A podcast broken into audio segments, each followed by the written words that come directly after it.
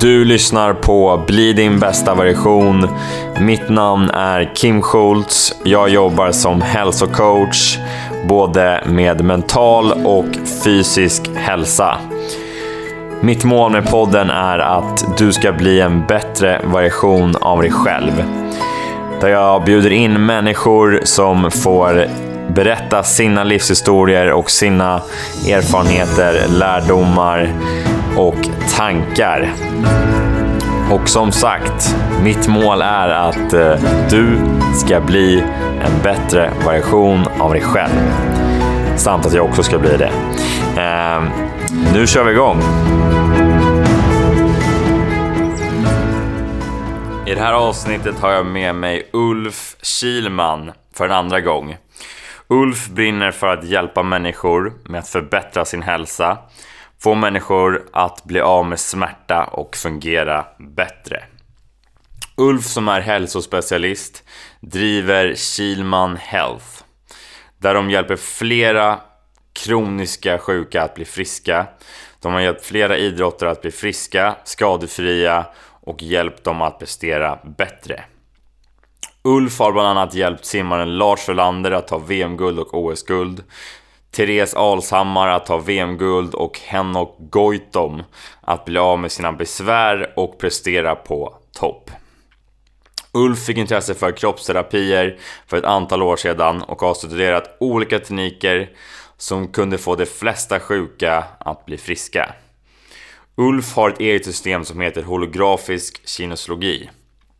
Den har blandat flera tekniker som han har lärt sig under åren som osteopati, näringslära, akupunktur, homeopati, medicin, kinesologi och hur nervsystemet funkar.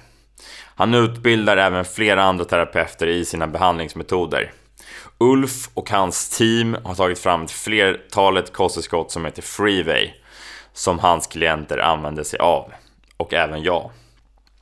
I det avsnittet pratar vi om nervsystemet och hur hjärnan tolkar dess signaler. Ulf berättar hur kosten påverkar oss samt berättar vilken typ av kost kroppen vill ha och inte vill ha. Vi kommer in på kosttillskott och Ulf pratar om att det finns många dåliga produkter på marknaden och hur det kan påverka våra, oss och våra kroppar. Vi pratar om smärta i kroppen, Eh, hur Ulf har hjälpt flera att bli av med smärta samt vad man kan göra för att bli av med sin egen smärta. Vi pratar om Ulfs behandlingar som jag har fått och jag har även skickat dit min mamma och min pappa. Eh, och det är, det är något som jag inte upplevt tidigare och det har verkligen hjälpt min hälsa till att bli, till att bli bättre. Eh, det här avsnittet kan verkligen lära dig mer om din kropp, ditt nervsystem och din egen hälsa. Utan vidare introduktion, här är Ulf Kilman. Ulf, då är vi live. Välkommen en andra gång till, till podden. Tack. Trevligt att ses igen. Ja, härligt att ha dig med en andra gång. Tack. Hur, eh, hur mår du? Jag mår bra, tack. Mycket runt omkring mig, men jag mår bra. Mm. Jag sköter mig. Jag ju, lever ju som jag lär. Så, att, eh, så då blir man pigg och alert och orkar med livet på ett bra sätt. Har det någon gång varit att du inte har gjort det då? Jag har alltså levt som jag inte lär idag har jag klart att jag har levt innan jag började förstå hur, hur man ska göra. Ja. Jag levde precis som alla andra och kanske till och med lite värre än alla andra också. eh, innan jag började se sanningar. Det började ju att jag eh, gick i konkurs en gång i tiden och hade ont i ryggen. Gick till en kiropraktor. Jag hade ofta ont i ryggen, alltså mycket ont i ryggen. Diskbråckaktigt. Men eh, då tyckte jag ju, ja då fick jag ju förfrågan från honom att eh, skulle du inte vilja ta hand om mitt gym? Och då började jag träffa på massa terapeuter och läkare som skickade kunder till mig.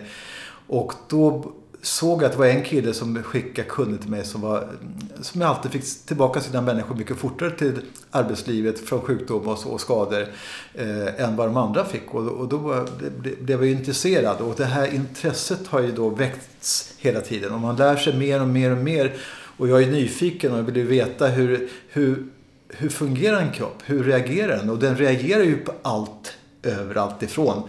Och då vill man att de här reaktionerna ska eh, vara rätt. Så hjärnan läser av omvärlden på rätt sätt och sin tur kan styra kroppens alla system på rätt sätt. Det är det jag är intresserad av. Okej, okay, så det var någon som eh, var duktig på att få tillbaka människor och du var intresserad. Mm. Eh, så där började det egentligen att du Eh, gör det du gör idag antar jag? Ja, precis. Så ja. är det. Och sen lär man sig mer och mer. Man får träffa fantastiska människor som har eh, nördar inom sitt område. Och då får man ju titta på vad, vad vet du och kan du? Är det någonting jag, som jag kan lära mig av det här? Men jag ser att det viktigaste när man ska jobba med människor är att se att eh, fattar hjärnan vad som pågår och att den gör rätt beslut. Har man felslipade glasögon till exempel, eller felslipade linser eller fel på ögon eller öron eller fötter eller så, då hämtar hjärnan fel information. Mm. Och den informationen hjärnan får tror hjärnan att det, att det är riktig information och styrs efter den kanske felaktiga bilden som den har. Och då blir det ju inte riktigt bra inne i kroppen sen. Hur, hur kan man få den att eh, ge rätt information? Det blir mm. frågan då. Ja, jag har ju hållit på i många, många år och lärt mig av fantastiskt duktiga människor och, och läsa av nervsystemet. Och så träffade jag ju på eh, på 90-talet då träffade jag på Richard Holding och eh, Allan Berdal. De hade ju gått ihop 1970 och utvecklat ett system som de tyckte var fantastiskt att för utmana just nervsystemet för att se vad man ska göra ett givet ögonblick. Men när jag lär mig de här sakerna som är det bästa jag har sett. Jag har ju varit lära hos många läkare, osteopater, kiropraktorer, naprapater, sjukgymnaster och annat. Ja. Eh, men när jag fick träffa på deras tänk så såg jag att det här var det mest avancerade jag sett tidigare. Så jag blint jobbar efter deras tänk i ett antal år. Då ser jag att jag får de flesta sjuka till friska. Men jag jobbar ju mycket mer med idrottsmän vad de gör. Och då såg jag att jag fick ju inte alltid ordning på idrottsmän så någonting fattas i deras tänk. Mm. Ja, om man får en sjuk människa som är rätt långt ner på sjukhusskalan eller sjukskalan och få upp den till närmare nästan perfekt så, så tycker ju han att han är perfekt. Mm. Men en toppidrottsman som inte är perfekt, han kommer få småskador, kan inte prestera riktigt och sådär. Och det, jag var nyfiken på att se hur gör jag för att få upp dem till toppen. Och det applicerar jag på mina klienter också vanligtvis, de vanliga människor också sen nu när jag börjar förstå hur kroppen fungerar. Mm.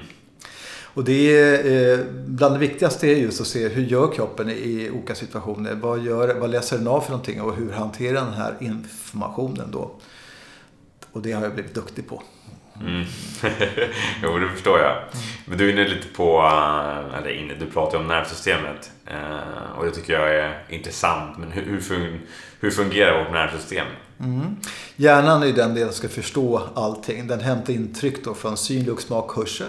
Det ger 50% av all information till hjärnan. 35% från händer och fötter och 15% från resten av kroppen. Den informationen kommer upp till hjärnan och hjärnan då ska läsa av det här. Och det gör den då det med hormoner, aminosyror och transmittorämnen för att beräkna om vad det är som pågår, vad det har hänt tidigare i mitt liv. Och när den har gjort klart de här beräkningarna så skickar den ut elektriska signaler till körtlar, muskler och organ för att styra kroppens alla funktioner. Och, och, det kan ju bli lite konstigt om det blir lite fel någonstans. Och man överlever det mesta men om det ska bli bra så måste man veta att det gör rätt. Och det kan fattas eh, Ja, många människor lever ju och tror att ja, ja, det är så här det är. Jag har växt upp och jag har haft lite småkrämpor härsan tvärsan i mitt liv och så. Och man lever som alla andra gör. Man lever oftast som ens familj har levt. Man har blivit lärd att äta på det här sättet och så. Men lever man inte och äter inte rätt mat mot den miljö man vistas i så kommer man att eh, inte kunna fungera fullt ut. Kroppen gör allt för att överleva men det kanske inte blir så bra som det ska vara. Det är rätt lätt att, att eh, äta fel mat mot det man utsätts för och då kommer kroppen kanske få en fel miljö i kroppen som, som gör att man kan härbärgera virus, bakterier och parasiter. Kroppen försöker hela tiden ha rätt substanser i kroppen och rätt nivåer på saker och ting. pH-balansen till exempel i blodet ska ligga på 7,365 och det justerar kroppen hela tiden så ligger på 7,365. Har man inte 7,365 i blodet så är man död. Man dör Då dör man och, och, kroppen reglerar ju det här väldigt eh, hela tiden för att det ska vara rätt miljö i blodet. Men all annan vävnad behöver ju också ha rätt miljö. Mm. Och där är det lite svårare då. Så att, eh, Så, och då äter vi inte fel mat så orkar inte kroppen processa alla dessa saker. För blodet sköter den om jämt, så länge man lever i alla fall. Så, Ja. ja. Okej, så det vi äter påverkar då väldigt mycket pH-värdet i hela kroppen? Då, ja, det gör det. Kroppen försöker justera det där och det är därför läkarvärlden tycker att det är inte så viktigt för kroppen justerar det hela tiden.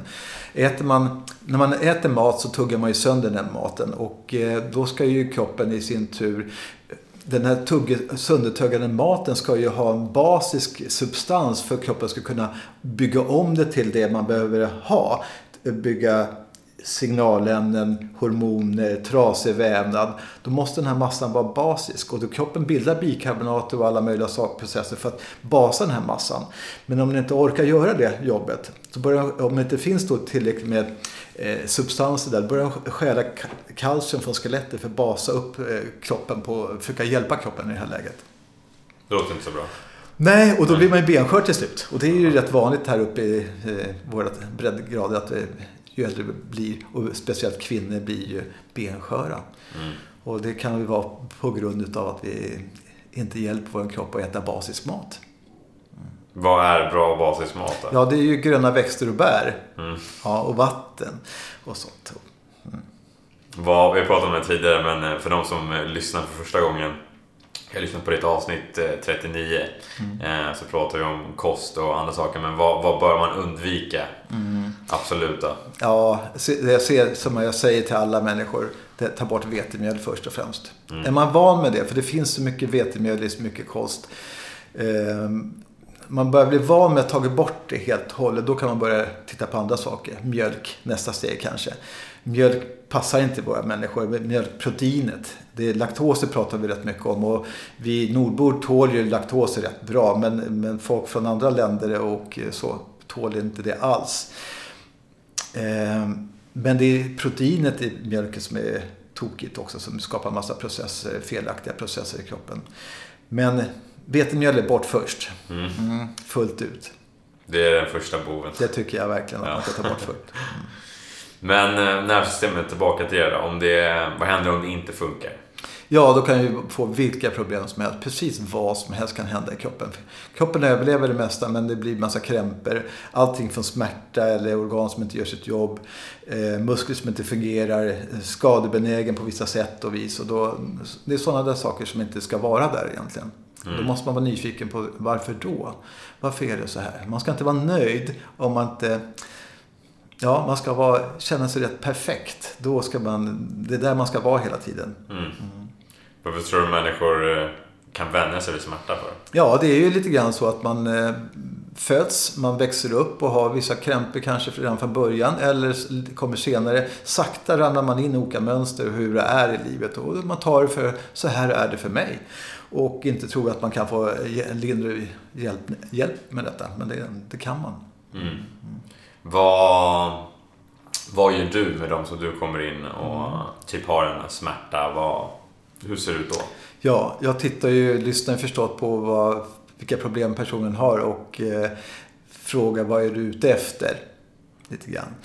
Sen kanske jag inte bryr mig så mycket om det. Jag lägger det på minnet förstås. För att jag vill ju få en, en, en status på den här kroppen innan jag kan börja läsa av vad det är som pågår i kroppen. Så jag gör alltid en behandling och då tittar man upp och ser vad är ett... Kan den här kroppen prata med mig på rätt sätt så jag får ut rätt fakta? För tittar man på en kropp från början och då kan man ju bli hänförd och, och eh, följa vad den andra personen har sagt att, att man har fel. Jag har ont i knät. Då vill man att man kan titta på knät förstås då. Men knät kan ju vara felstyrt ifrån att det är inklämningar i ryggraden eller att det är ett organ som inte gör sitt jobb eller nervsystemet som är stört på grund av kemikalier eller någonting. Så man måste se vad är det kroppen vet och förstår. Och behandling kanske inte alls rör sig i området runt knät ens. Men jag måste få eh, personer i ett viss status först. Sen kan man utmana sig. Om man nu kommer in med knäproblem, då går man in och sen efter man gjort klart behandlingen utmanar knät med rörelser och, och annat. För att se hur gör, vad händer i kroppen när man rör på sig. Så man kan hoppa, studsa, springa när man går, går från kliniken. Mm. Så egentligen titta på orsak till symptom också. Ja, precis. Mm.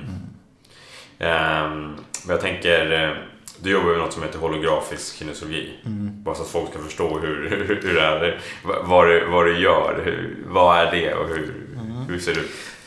Det finns så mycket fakta inom kinesiologin. Allting börjar 1963. 1854 tror jag att det var eh, Gymnastiska institutet i Stockholm, GI, som utvecklade ett ord kinesiologi, rörelselära. Mm. Det handlar ju om rörelse, rörelse och lära.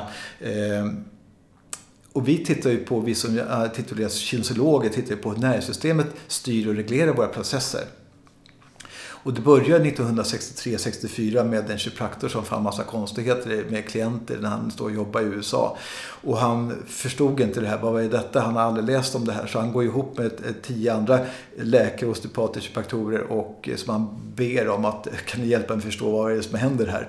Eh, och då började de se en massa mönster. Och eh, efter fem års forskning så började de lära ut sådana här saker. För de tyckte att det här är vad vi har hittat för bra saker för att hålla inom vår grupp.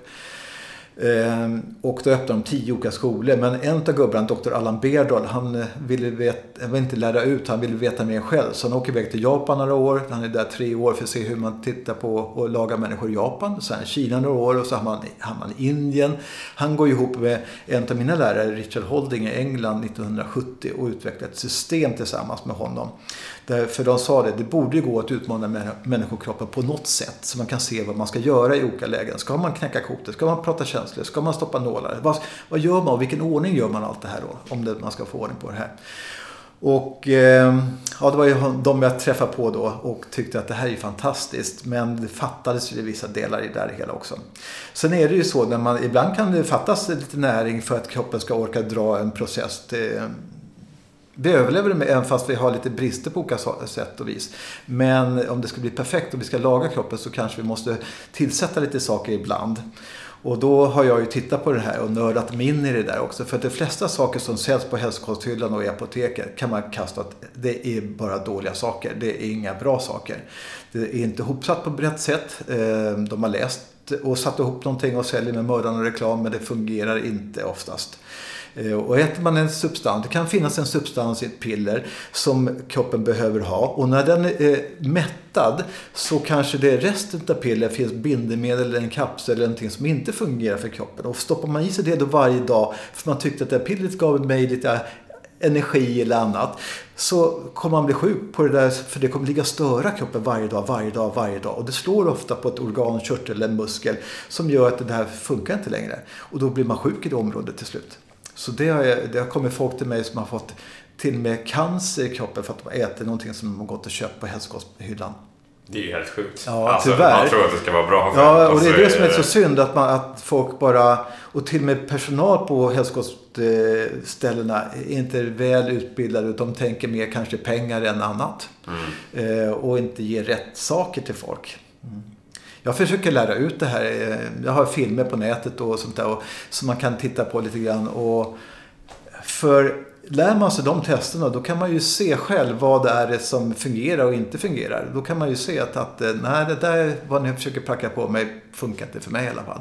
Så man kan hitta rätt saker i alla fall. Mm. Mm, för det, jag brinner ju för att hjälpa människor att bli friska.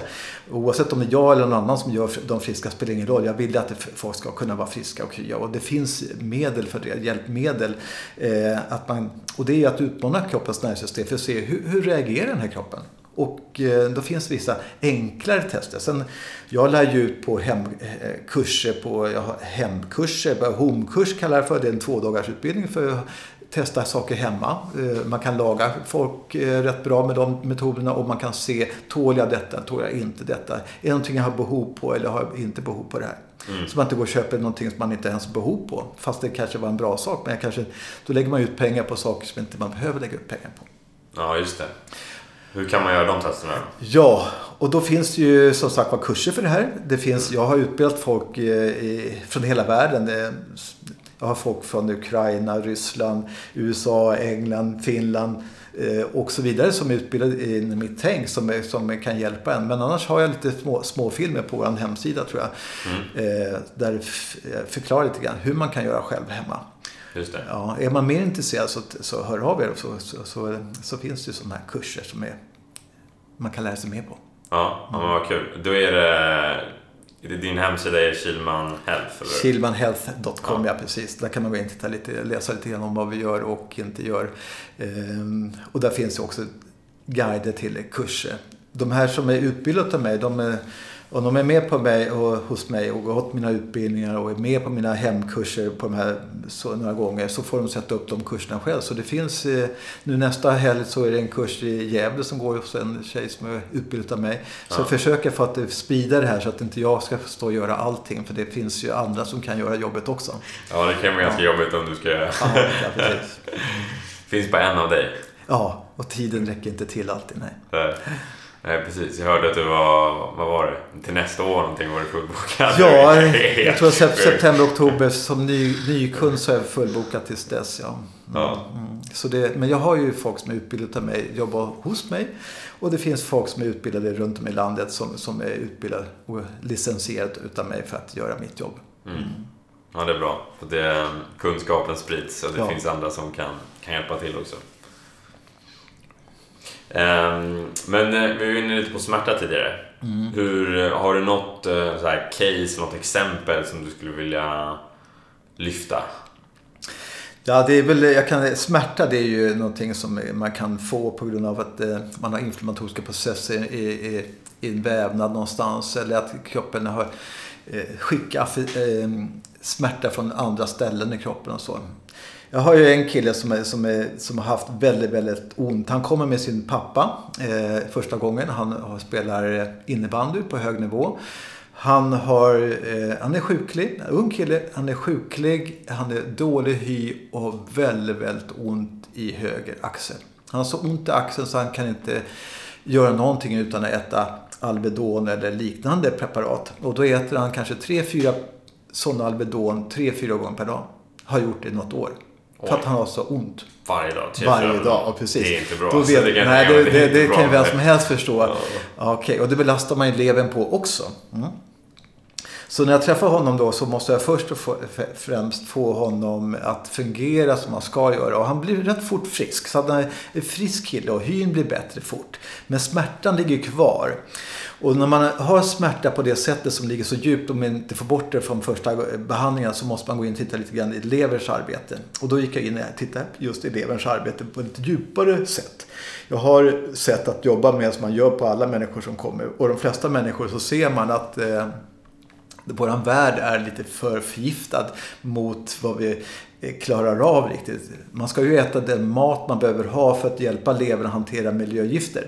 Det ska innehålla vitaminer och eh, enzymer och eh, antioxidanter för att hjälpa levern att hantera dessa gifter som kommer in på olika sätt genom, genom luft, mat, vatten och vind. Så kommer det komma in i våra kroppar och det hamnar i blodet och levern då ska rena det blodet. Om inte levern gör sitt jobb, då börjar ju levern ja, det fallerar. Då åker man gifterna runt i blodet och tar död på celler. Det gillar inte kroppen där. Då har den inte försvar. Den har fettceller i hjärnan, lever, på andra ställen i kroppen, underliv, bröst och så. Där den börjar lagra in gifterna. Och som ung person så har man rätt mycket depåer att fylla på. Men till slut blir det fullt och det börjar läcka. Då kan det bli vilka konstiga fel, fel som helst.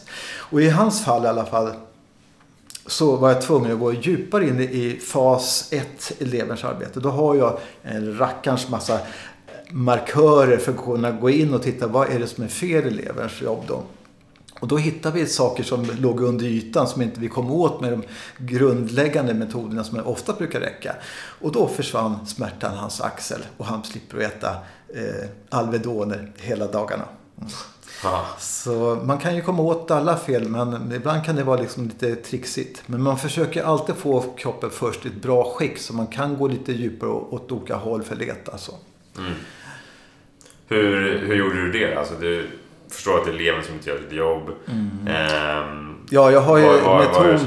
Var alltså när man jobbar som jag så har man eh, ett, ett sätt att trigga sig in i nervsystemet. Det går inte bara liksom att tro att man kan få fram faktan eh, i, i blanko bara och, och lägga på någonting och tro att man kan få ett bra svar. Det är för djupa frågor. Så man måste digga sig in i nervsystemet och sen utmana det nervsystemet och, och, och kunna sin medicin också. Hur kroppen eh, bryter ner och gör saker. Ehm, för kroppen har ju olika processer för att bygga upp saker och eh, styra olika saker. Då vet man att exempel i hormonsystemet. Att man bryter ner maten, bildar kolesterol, bildar pregnenolon, så bildar eh, preg, eh, progesteron och så går det ner till mineralkortikotider eller ner till könshormoner. måste man veta de här stegen för att kunna utmana de stegen sen. Eh, och så. Och det är man påläst, vi, vi som håller på att jobba på det här sättet, vet hur vi ska testa. Mm. Och det får man göra då med sådana här, då har jag ju ett kit. Jag har ju då ett det finns olika laboratorier i England, Tyskland och USA som jag köper oftast markörer som är gjorda för oss läkare, sådana som jag, för att kunna utmana med olika substanser, olika processer i kroppen. Och då, och då kan man läsa av detta och se vad behöver man göra åt det här och varför man har problem till exempel. Är det virus, bakterier, parasiter, kemikalier som ligger och belastar kroppen så att inte kroppen kan göra de här processerna? Man överlever nästan, nästan allting men om det ska bli perfekt så måste man kanske hitta grundorsaken till de här sakerna. Just det. Jag jobbar ju väldigt mycket med toppidrottsmän och det är inte så sällan de kommer in och känner att nej, det är någonting som inte stämmer. Jag, jag vet att jag kan prestera bättre, men det är någonting, jag, jag förstår inte det här. Och läkarvärlden förstår inte. Och då brukar de komma till mig och då brukar jag kunna hitta vad kan det vara, om det är någon parasit eller om det är kemikalier eller vad det nu kan vara för någonting som hindrar processerna funka fullt ut. Mm. Hur, eh, hur gör du då när du när du gör de här testerna? Hur, liksom, hur går det till praktiskt? Ja, det är ju svårt att prata, berätta det på, med ord. Mm. Utan man har ju genom årens lopp sett att kroppen reagerar på olika sätt och vis. Och eh, nervsystemet styr organ och körtlar och muskler. Och då har vi sett att vi, om vi får kroppen att bli, komma till ett visst stadie så kan man utmana vissa muskler för att komma åt vissa system i kroppen. Det är det vi utmanar på olika sätt och vis. Det är det. Mm. Jo, men jag har ju själv gått en, eh, en behandling hos dig. Mm. Och man tror inte att det är sant. När man, alltså så här, när man, eh, när man är här, man blir helt så här, ja. blir helt så här, fan hur stämmer det här? Ja. Men det gör ju det. Alltså, ja, det är ju så. Det, kroppen är, reagerar alltid på allting och det är det vi vet hur den ska reagera och då utmanar vi på, på ett visst sätt. Och gör den inte på det sättet det ska vara så är det någonting som är fel och då försöker vi hitta varför. Mm. Sen när man gjort klart en behandling då, då kan man utmana kroppen i, i, i verkliga livet. Hoppa, studsa, springa, tänka ah, vad man nu vill utmana. Så kan man se, vad gör kroppen? Jaha, den gör så här. Så ska den inte göra. Och så får man hjälpa kroppen att hitta tillbaka till det, hur den ska göra. Mm. Mm. Men du nämnde lite innan att du har jobbat med Henok Goitom. Ja, kan du inte berätta hur det kommer sig att du började jobba med honom? Mm. Jag jobbar ju med som sagt var mycket idrottsmän och under årens lopp så har jag ju träffat på allt från sjuka människor till eh, friska människor. Och eh, eh, när det var Enok Goitom, AIKs lagkapten i fotboll, han kom till mig för, jag tror att det är sju år sedan, sju, åtta år sedan kanske, jag vet inte. Det går så fort allting. Så, så fick han eh, ett råd utav Noah Sonko Sundberg som är en ung fotbollsspelare, spelade då i AIK. Och han kommer till mig genom sin mammas försorg. Hans mamma var lite, hade lite krassligt lite problem och då var väl han med för att hon hade väl ingen barnvakt. Och eh, då var ju han en liten knatte och då frågade jag honom eh, Jaha, vad, vad tycker du om att göra? Ja, spela fotboll. Det var hans liv. Jaha, och och han sa, jag ska bli proffs på det här. Jag, jag, eh, jag ska bli bäst på det här, sa han. Som ung liten knatte. Jaha, och då såg jag glimt i hans öga. Då sa jag så här, okej, okay, jag ska hjälpa dig att hålla dig frisk och kry tills dess. Tills du blir vuxen. Jag ska sponsra dig med mina behandlingar och mitt tänk tills du är vuxen. För oftast är när man är gammal och det går bra för en, när man har blivit proffs och, och tjänar pengar på, då behöver man inte den hjälpen kanske på samma sätt. För är man ung så har man ju inte råd kanske att få den professionella hjälp som, som, är, som man kan behöva.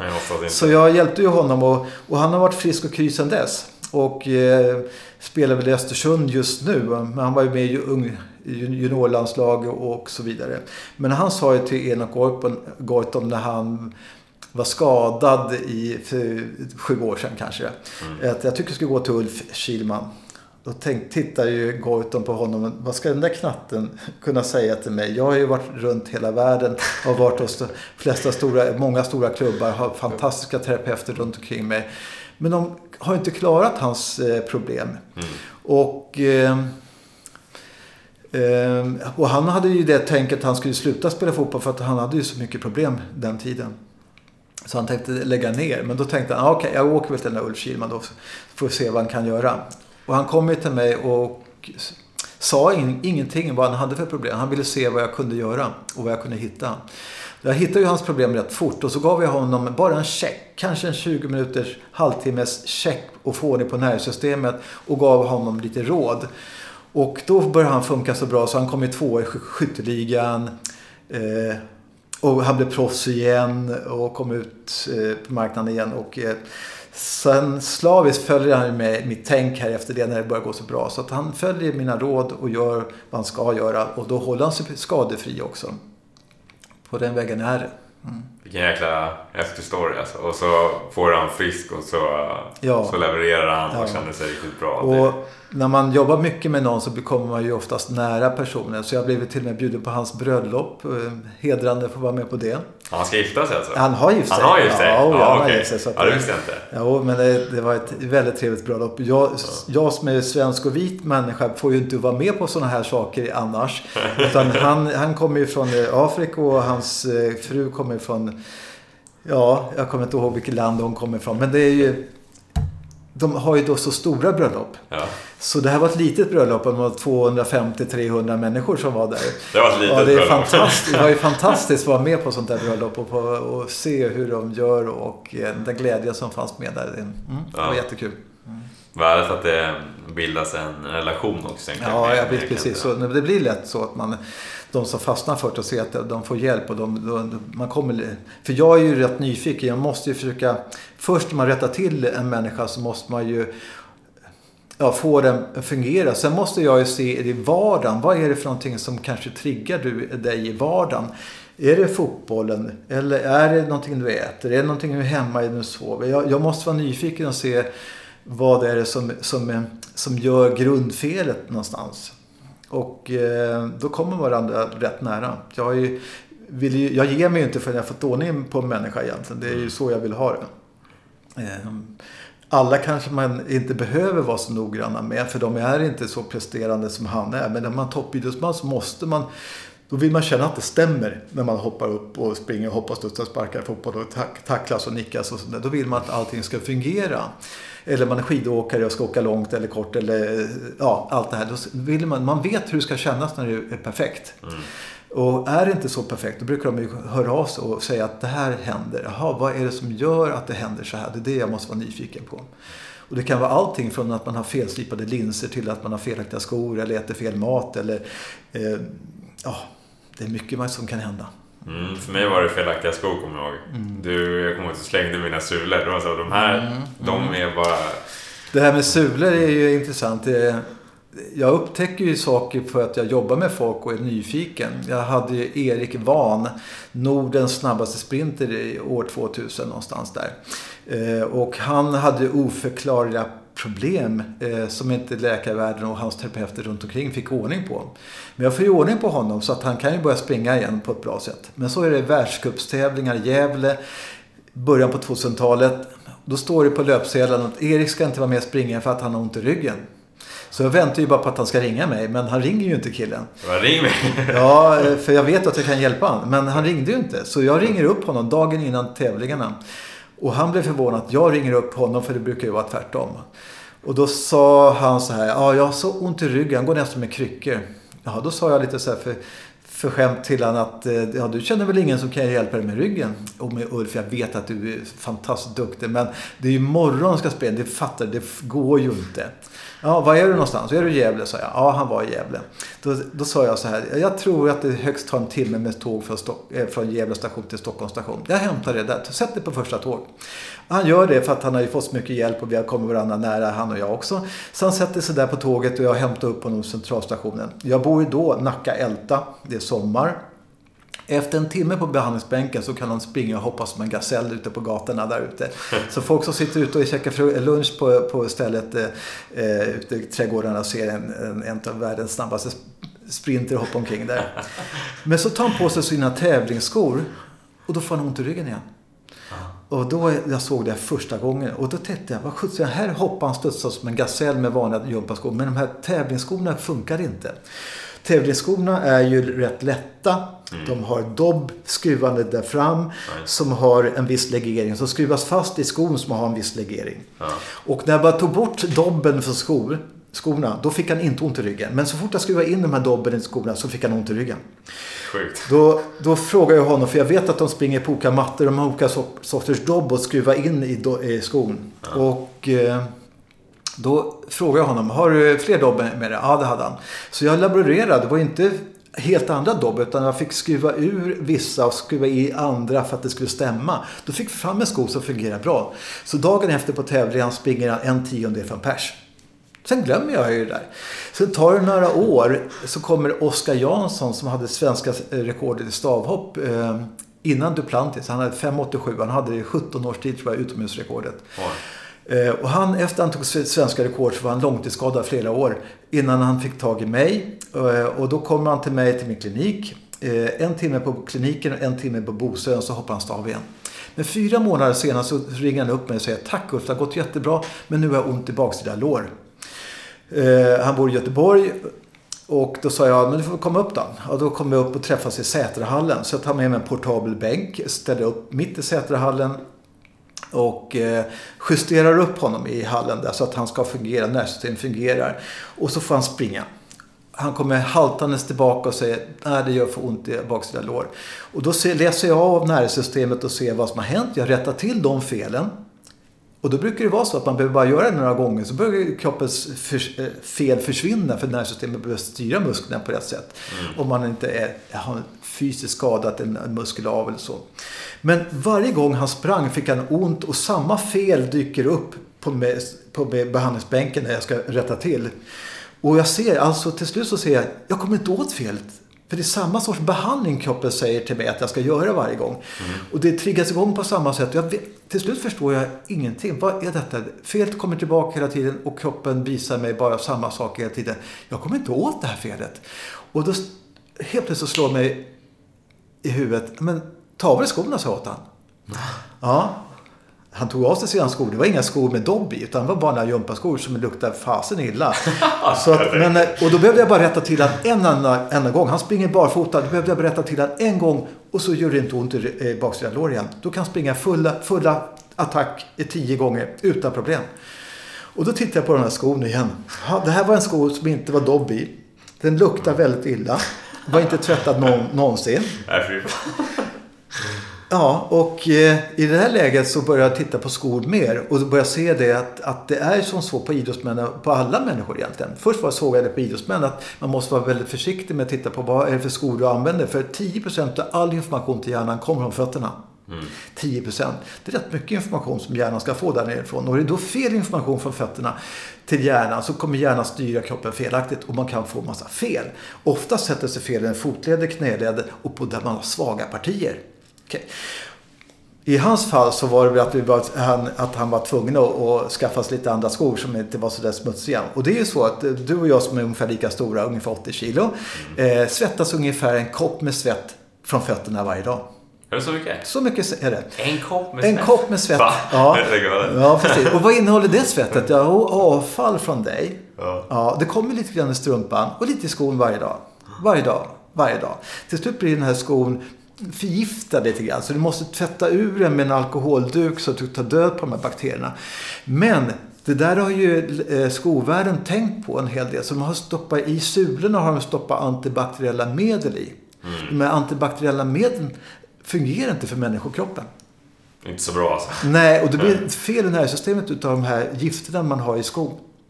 I sulan speciellt. Det är därför jag ryckte ut dina sulor, för de var inte bra i, i ditt läge där. Så. Och det här lär jag ut till mina kunder. Alla kunder som går ifrån så får man titta igenom, titta på det här med skor. För det är för, för mycket information från fötterna för att det ska bli fel. För har du felaktiga, felaktiga skor så räcker det gå fyra, fem steg så har du adopterat ett fel i nervsystemet. Ja det är på en Och, gång. och det är därför jag vill lära ut det här till alla mina kunder som kommer. Att, att de måste ha koll på det här med skor. För det är viktigt. Det är viktigare än man tror. Jag har ju lärt ut hur jag tänker och jobbar till, eh, till terapeuter runt om mig. Och, och eh, ibland så kommer de här kunderna som har varit hos någon av de här terapeuterna och så ser jag direkt att det här skadan beror på att du använder felaktiga skor. Då frågar jag, har inte den här personen som jag har lärt ut det här till, har inte de berättat det här med skor för dig? Mm. Nej, säger han. Och, det, och kanske bara var det som gjorde att det felet kommer tillbaka hela tiden så man inte kommer åt problemet. Så därför är det viktigt att hela tiden alltid få rätt information till hjärnan. Så att läs, så hjärnan kan läsa av vad som pågår. Annars kan det bli en massa konstiga fel. Fast man tror man har löst det. Ja, det löser sig inte riktigt om, om det inte det blir eh, rätt information. Mm. Då, då, då kanske de går bet på den här kunden och så kommer de till mig och så säger att men det är ju bara skon också. Okej. Okay. Och så får förvåning på det och så är de okej. Okay. Mm. Ehm, jag hade en kille som, eh, ung kille. Han är duktig hockeyspelare, ska åka iväg till USA. Ehm, eh, på sommarlovet så åker han wakeboard och så rasar han, slår i kroppen i, vattnet. Och sen helt plötsligt får han så mycket smärta i kroppen så han kan inte, åka, han kan inte spela hockey längre. Han har bara kraftig smärta i kroppen. Så kraftig smärta så han kan inte göra någonting egentligen. Han kan inte prestera, kan inte idrotta eller någonting. Och väldigt idrottande människa från början. Och då går han till en av mina kollegor som inte får bort det här. Hans mamma tänker, men jag går till Ulf med sonen. Då såg jag att det här var ju skorna som var en sak. Och då när vi fick bort det så började kroppen bli frisk. Och, och idag har han inga problem med smärta i kroppen. Oj, så, så egentligen från att vara Ja. Alltså knappt kunna idrotta? Ja, ingenting. Ja. Alltså till, till att kunna bli normal igen. Nu har det gått så många år så att hans hockeykarriär är slut i alla fall på det sättet. Men han har gått många, många år genom att eh, inte fått rätt hjälp. Ja. Mm. Så skor är viktigt. Ja. Allting, allting är viktigt, men, men skor är väldigt viktigt. Vad är, vad är viktigast för att en kropp ska fungera bra? Vad skulle du säga, vad är som viktigaste fokus? Nej, först och främst är det att man äter rätt mat. Eh, rätt mat först och främst. För att annars kan inte kroppen fungera på rätt sätt. Äter man till exempel, många säger ja, jag äter ju vetemjöl och kan prestera. Och, ja, man kan prestera väldigt bra kanske. Men man skulle kunna gjort det bättre om man är, hoppar över det med vetemjöl. För tarmen blir oftast lite inflammerad och då tar inte upp näringen på rätt sätt. Då blir det en massa följdproblem på det sättet. Sen när man är ung och frisk och har mycket energi så kan man ju dölja det problemet lite grann. Men det, det slå, kommer slå igenom och man får inte tillräckligt lång karriär eller eh, blir skadebenägen eller någonting sånt där. Så kosten är viktigast först och främst. Sen måste man se, rör sig kroppen på rätt sätt eller vad är det som stör kroppen? Och, ja, man kan ju ha fått parasiter, varit utomlands eller någonting i kroppen som stör nervsystemet och så. Mm. Ja. ja, jag hade gått i med bekämpningsmedel. Ja. Från Asien, kommer jag ihåg. Ja, och det är ju då varför alla blir utsatta, utsatta för bekämpningsmedel, kemikalier från det som släpps ut i vår värld. Mm. Genom luft, mat, vatten, vind. Och då ska ju som sagt, som jag sa tidigare, levern rena det här och få ut det genom kroppen. Men om du inte äter perfekt mat för att hjälpa levern mot det du utsätts för så kommer kroppen lagra in det här. Och så blir det massa följdproblem på det. Mm. Ja, och det blir sällan bra. Nej, då blir det ju inte riktigt bra. Då får man ju ha den krämpan eller det problemet och tro att det är så det är. Jag är född så eller jag, det har blivit så här. Mm. Och läkarvärlden tittar ju inte oftast på det här då. Mm. Nej, precis. Det är, generellt så brukar de inte titta på vad man käkar. Det har aldrig jag hört i alla fall när jag var som läkare. Så hur ser kosten ut? Nej, det, tyvärr. Mm. är ju inte den första frågan. Mm. Ja, precis. Tyvärr. Um, men jag tänkte, för dig. Mm. Vad, vad är någonting som du måste ha i din, i din vardag? Vad, vad måste du ha i din vardag? Jag måste ha bra mat. Eh, maten är tyvärr väldigt svår att vara exakt med. Eh, för det säljs inte. Går man in i livsmedelsbutik idag, idag så är det inte så mycket saker som är rena eh, från, från växtgifter eller kemikalier eller annat. Det är kanske växt... Ja, det är inte så mycket bra mat. Det är jättemycket goda saker att stoppa i munnen men det kanske inte är tillräckligt nyttigt. Så jag kompletterar ju kosten med mina tillskott som jag letar efter i världen runt. Då. Och då, de tillskotten innehåller då växter, bär eh, och sånt som människokroppen behöver. Då vet jag vad jag ska komplettera min kosthållning mot det liv jag lever. Jag tränar ju, försöker träna två pass om dagen. Jag eh, har ett styrkepass, en muskelgrupp om dagen. Jag eh, försöker göra ett fyspass, eh, springa crosstrainer eller någonting sånt 45 minuter varje dag också. Sen står jag och jobbar med kunder hela dagarna. Eh, och, men jag är ju alltid pigg och alert och skadefri för att jag gör och har sett vad det här behöver jag ha för att klara av min vardag. Jag har idrottsmän som kommer till mig som har gått in i väggen och sånt där. Då ser man ju att de har ju oftast eh, presterar rätt bra men helt plötsligt så gör de inte det längre. Och det är för att kroppen orkar inte längre gå på för dålig näring. Och då, måste, då är det inte så svårt egentligen att få, få igång dem. Det är egentligen bara att hjälpa kroppen att hitta sig själv. Eh, se till att de får rätt näring eh, mot den prestationen de ska göra. Och då kan de börja prestera rätt fort igen på rätt sätt. Men oftast någon som är sjuk ofta, skadad ofta, sånt där, de, de får inte i sig vad de behöver ha för att klara det liv de utsätts för. Mm. Så jag behöver ju ha rätt näring först och främst. Sen har jag ju sett att, eh, att jag sover jag mina timmar jag ska ha, cirka åtta timmar, då är jag pigg och alert. Eh, så. så jag försöker lägga mig ja, så tidigt som möjligt. Eh, så jag lägger mig ungefär vid tio tiden vanligtvis. Jag går upp i kvart i sex. Så då får jag i mig de timmarna jag behöver ha. Mm. Och då är jag pigg och alert och så. Missar jag det med sömnen märker jag, då är jag lite såsig i skallen och sådär. Så. Mm. Mm.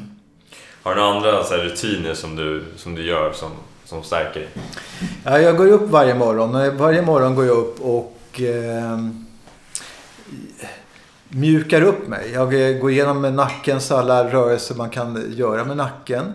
Eh, jag... Eh, när jag känner att det är någonting som känns stelt, till exempel man sätter igång och vrider på nacken och skakar på huvudet, så har jag tekniker för, för att få bort de felen. Och då rättar jag till det. Så går jag igenom alla, alla kroppsdelar på morgonen. Det tar mig ungefär 20 minuter att gå igenom det här och, och stretcha lite grann så att jag har en, pigg som är, en, en kropp som är pigg och alert och fungerar när jag går upp. Ja. Där är, en för, en för, tekniken för nacken, det är kanske någon som, är det någonting du kan kan delge. Jag tänker många kanske stelnar i nacken. Ja, man måste ju kunna lite saker om kinesiologin där. Men jag brukar lära ut det till mina klienter. Men jag vill gärna ha dem på plats då, så för att visa hur det där fungerar. För det är mm. lite knep och knåp med det. Så att, eh, och det gör jag på mig själv då. Ehm, alla mina adepter som jobbar ute i, i i världen här. De har blivit mm. lärda. Så jag säger åt dem, lär era klienter detta. För det är en ett sak som jag kallar som egenvård. Mm. Som, som jag sett eh, hjälper nervsystemet att, att nollställa sig och bli okej. Okay. För mm. oftast är det ju som sagt det är inte muskeln det är fel på i nacken som, är, som krampar ihop som är det problemet. Utan det är nervsystemet som inte styr det på rätt sätt. Och då rättar jag till det och då börjar allting bli mjukt och fint och så. Mm. Det är det första jag gör på morgonen och sen hoppar jag in i duschen och därefter går jag och tar de tillskotten som jag behöver ha. För jag, som jag vet jag behöver ha. Eh, för att klara av min vardag. Så jag äter mina tillskott tre fyra gånger per dag. Och då vet jag vilka mängder utav vissa saker jag ska ha. B-vitaminer, D-vitaminer, eh, proteiner och salter och, och fettsyror och sånt. Men jag vet det här är precis vad jag behöver ha som passar min kropp. Sen åker jag ju till jobbet eh, och eh, står och jobbar då med ett antal klienter. Och eh, sen till lunchen så går jag ner i gymmet och så tar jag ett styrkepass. Jag tycker om det och kör igenom ett, ett, en muskelgrupp om dagen ungefär. Mm.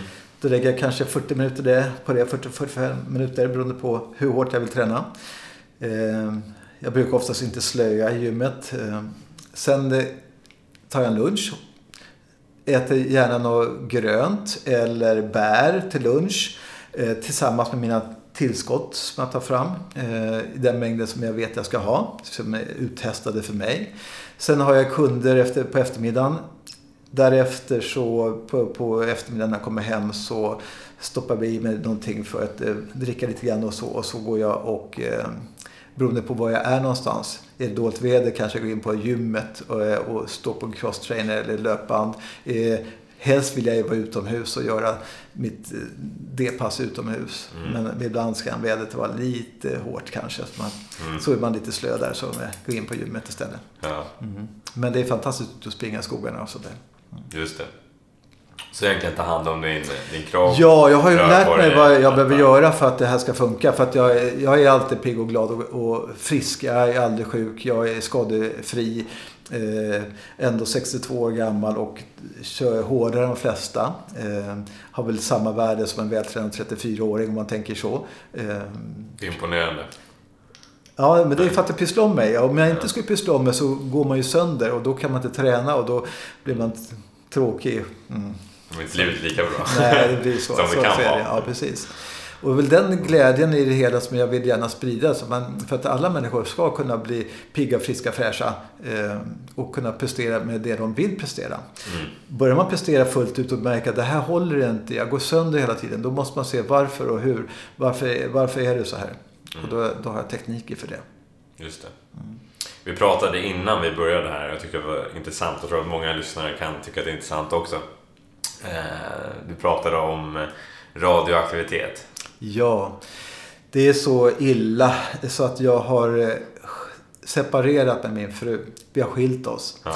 Och då har jag valt att flytta ifrån där jag eh, jobbar och bo, eh, bor, bor egentligen. Så jag, och då har jag hoppat runt i lite lägenheter och eh, då är det så att jag fick eh, snabbt försöka hitta en lägenhet. Med, för jag hade sagt upp en lägenhet för att jag ville satsa och försöka komma tillbaka till eh, min fru och allting. Men jag känner att nej tyvärr, det, hon är underbar men jag kan inte det är olika beslut som jag måste ta och jag har flyttat ifrån henne då.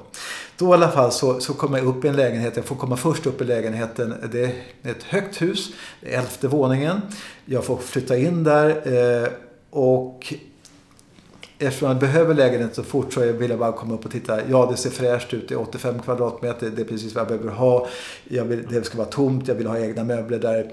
Och flyttlasset går en onsdag innan nu i augusti-september månadsskiftet. Här. Eh, så jag får komma upp dagarna innan månadsskiftet för lägenheten står tom. Så jag säger bara ja till lägenheten. Flyttlasset går upp på onsdag. På torsdag kommer jag upp och ska packa upp det här.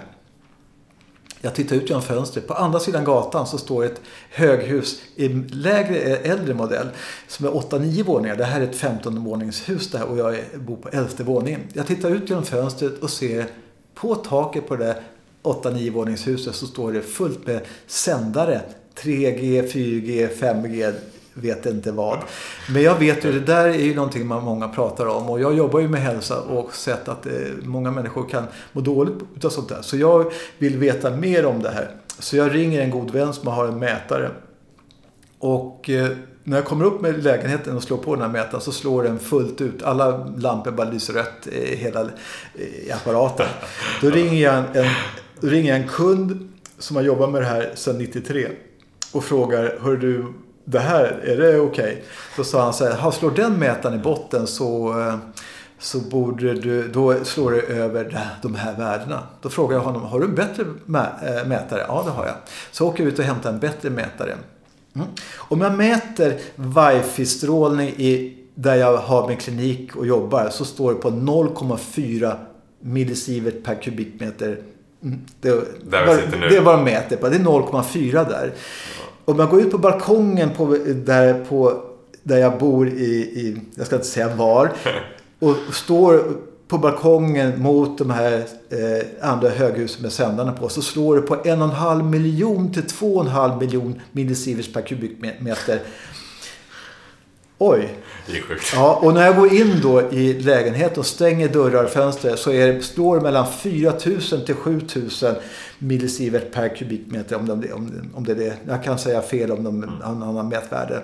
Men så står det på mätaren. Så mycket är i huset. Och på mätaren då är det ett antal lampor. En grön lampa, en gul lampa och tre röda. Och sista lampan så står under den så står det Extreme. Och det är Extreme i lägenheten. Och när jag ligger och sover där två, tre nätter så kokar det i huvudet. Jag känner att det kokar i huvudet. Det gick. Ja, och då i alla fall så får jag... Då, då pratar jag med han, eh, han som är min kund som håller på att jobba med det här.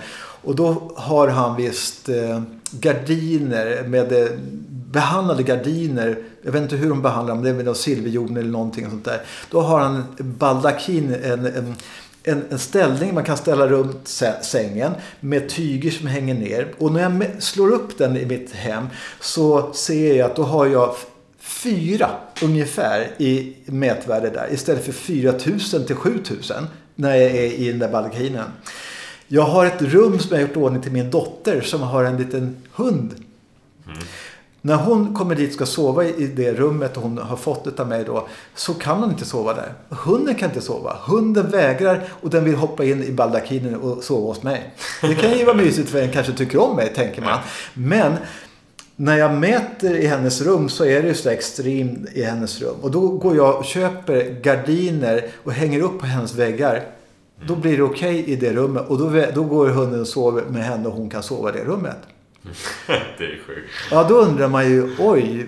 Och när jag tar den här apparaten och, och åker iväg och ska träffa lite vänner runt om i stan och så. Då ser jag att Alltså det är hemskt vad vi gör. Det är klart att det påverkar oss människor, den här bestrålningen som kommer från de här 3G, 4G, 5G-näten. Eh, och folk vet ju inte hur det är. Men det går ju att mäta sig till och kanske göra någonting åt det. När jag år 99 var i London och pratade med en, en som var kunnig inom det här. Då sa de så här. Vi har ett institut i London som man får ansöka om att äh, ha en sändare. Och då fick man berätta vilket sändningsområde den här sändaren skulle ha. Och så kommer en annan operatör som ber också om att få sända. Och då har de mätstationer ute där de ser att nu börjar det bli för mycket på en viss plats. För det överlappar de här sändningsvägarna då. Och då får de inte ta mer sändare som slår på de områdena. Men i Sverige gör vi inte så. Vi låter varenda operatör bara sätta upp sändare hur som helst. Och det, ja, alltså, och då har jag ju lånat ut den här mätaren till goda vänner som bor inne i stan. Mm. Då ser de att det är högt inne i lägenheten fast inte i sovrummet som de har in mot eh, innergården.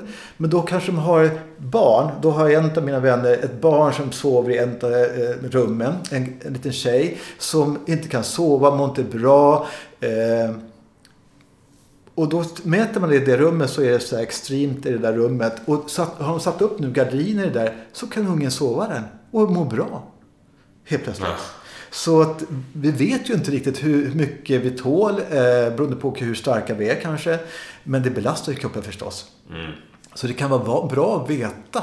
Hur är jag belastad med sånt här? Kan jag göra någonting åt det lite enkelt? Ja eller nej.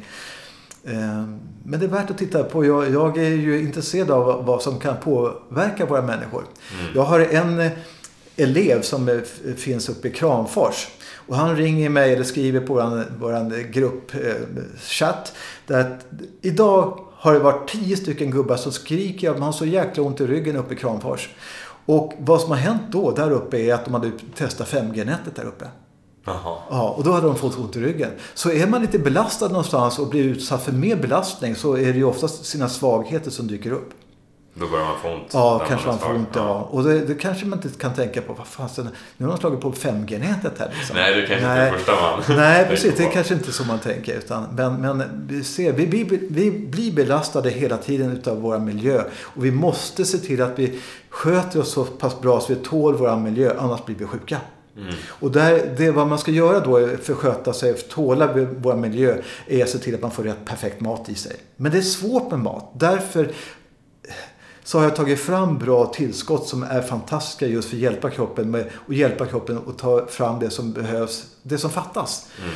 Som är uppsatta på bär och växter. Inga tillsatser i som inte stämmer för kroppens näringssystem. Inga kapslar som är eh, bara kapslar bara för, för att allting man stoppar i sig dagligen Minsta lilla som är fel om man äter varje dag, varje dag så kommer det slå på ett system och då blir du sjuk i det området till slut. Mm.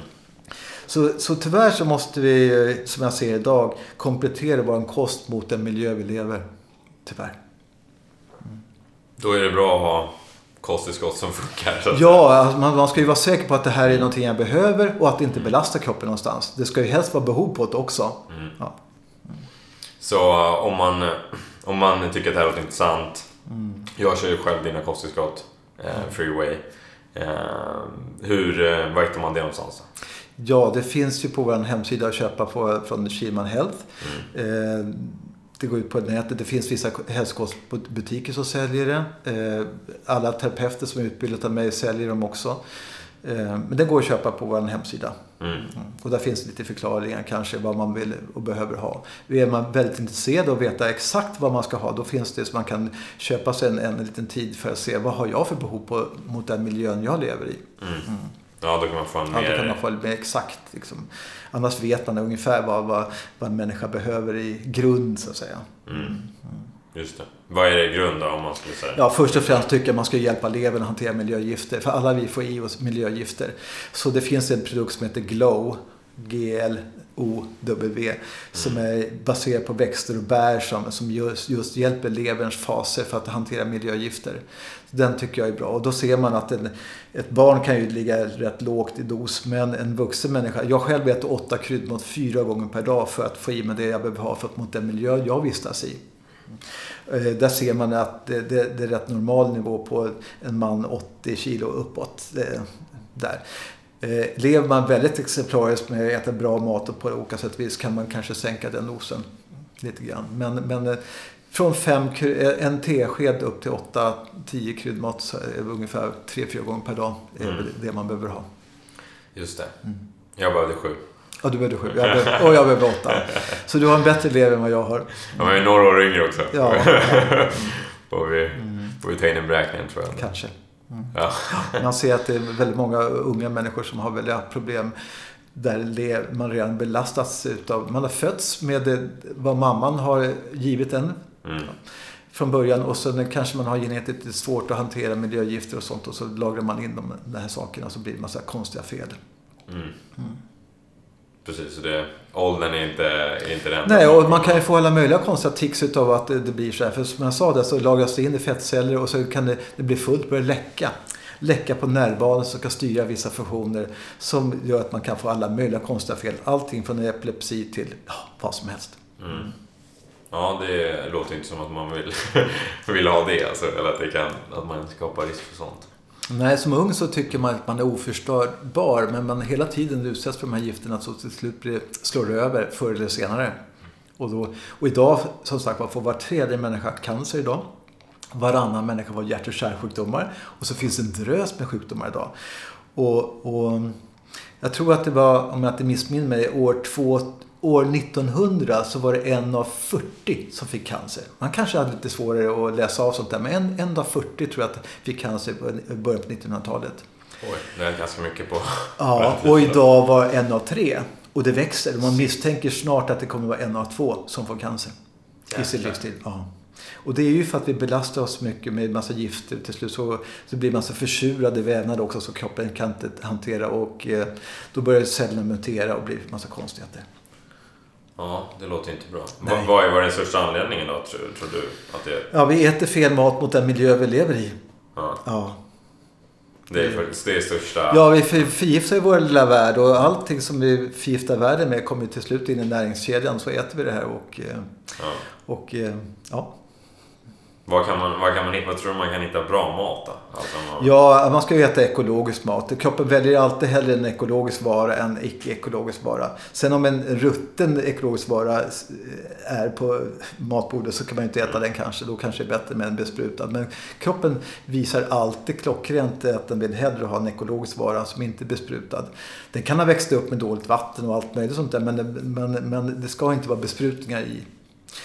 Eh, bär eller frukt och bär och sånt där är ju intressant. Eh, Det finns en 200-gradig skala man läser av hur mycket bären utsätts för eller tar upp utav det de utsätts för.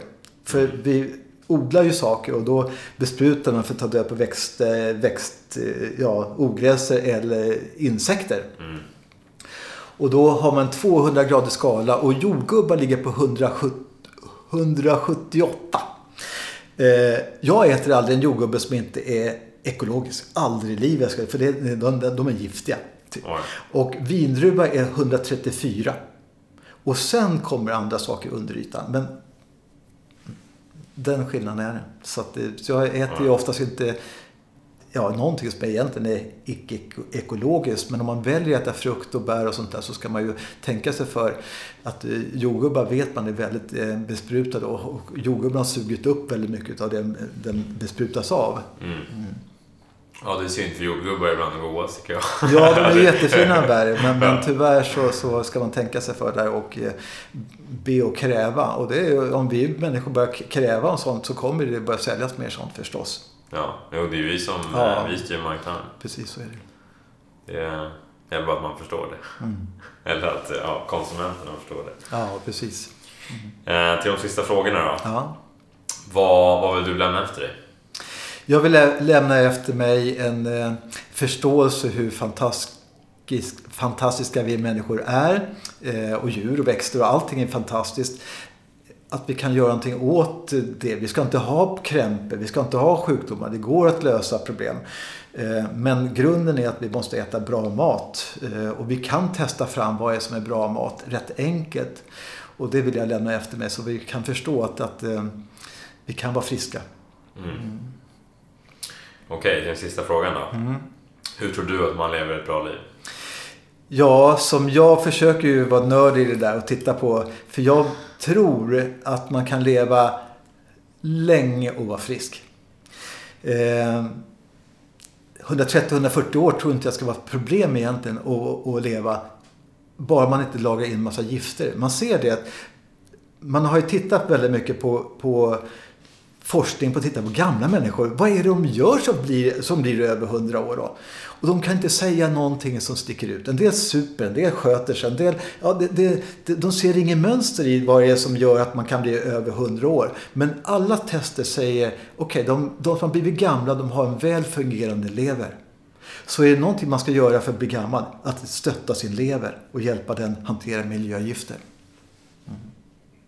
Där har vi det. Ja, där har vi Hur, hur gammal tror du att det blir då? Ja, jag, jag ju, hoppas ju på att, att det jag gör är rätt och jag ser ju tendenser till det. Eh, att jag gör rätt. Eh, sen är det ju då så ska man ju, som min mor, som var en fantastisk mor. Eh, hon gick ju bort när hon var 91 år. Inte utan sjukdom, utan att det var tråkigt.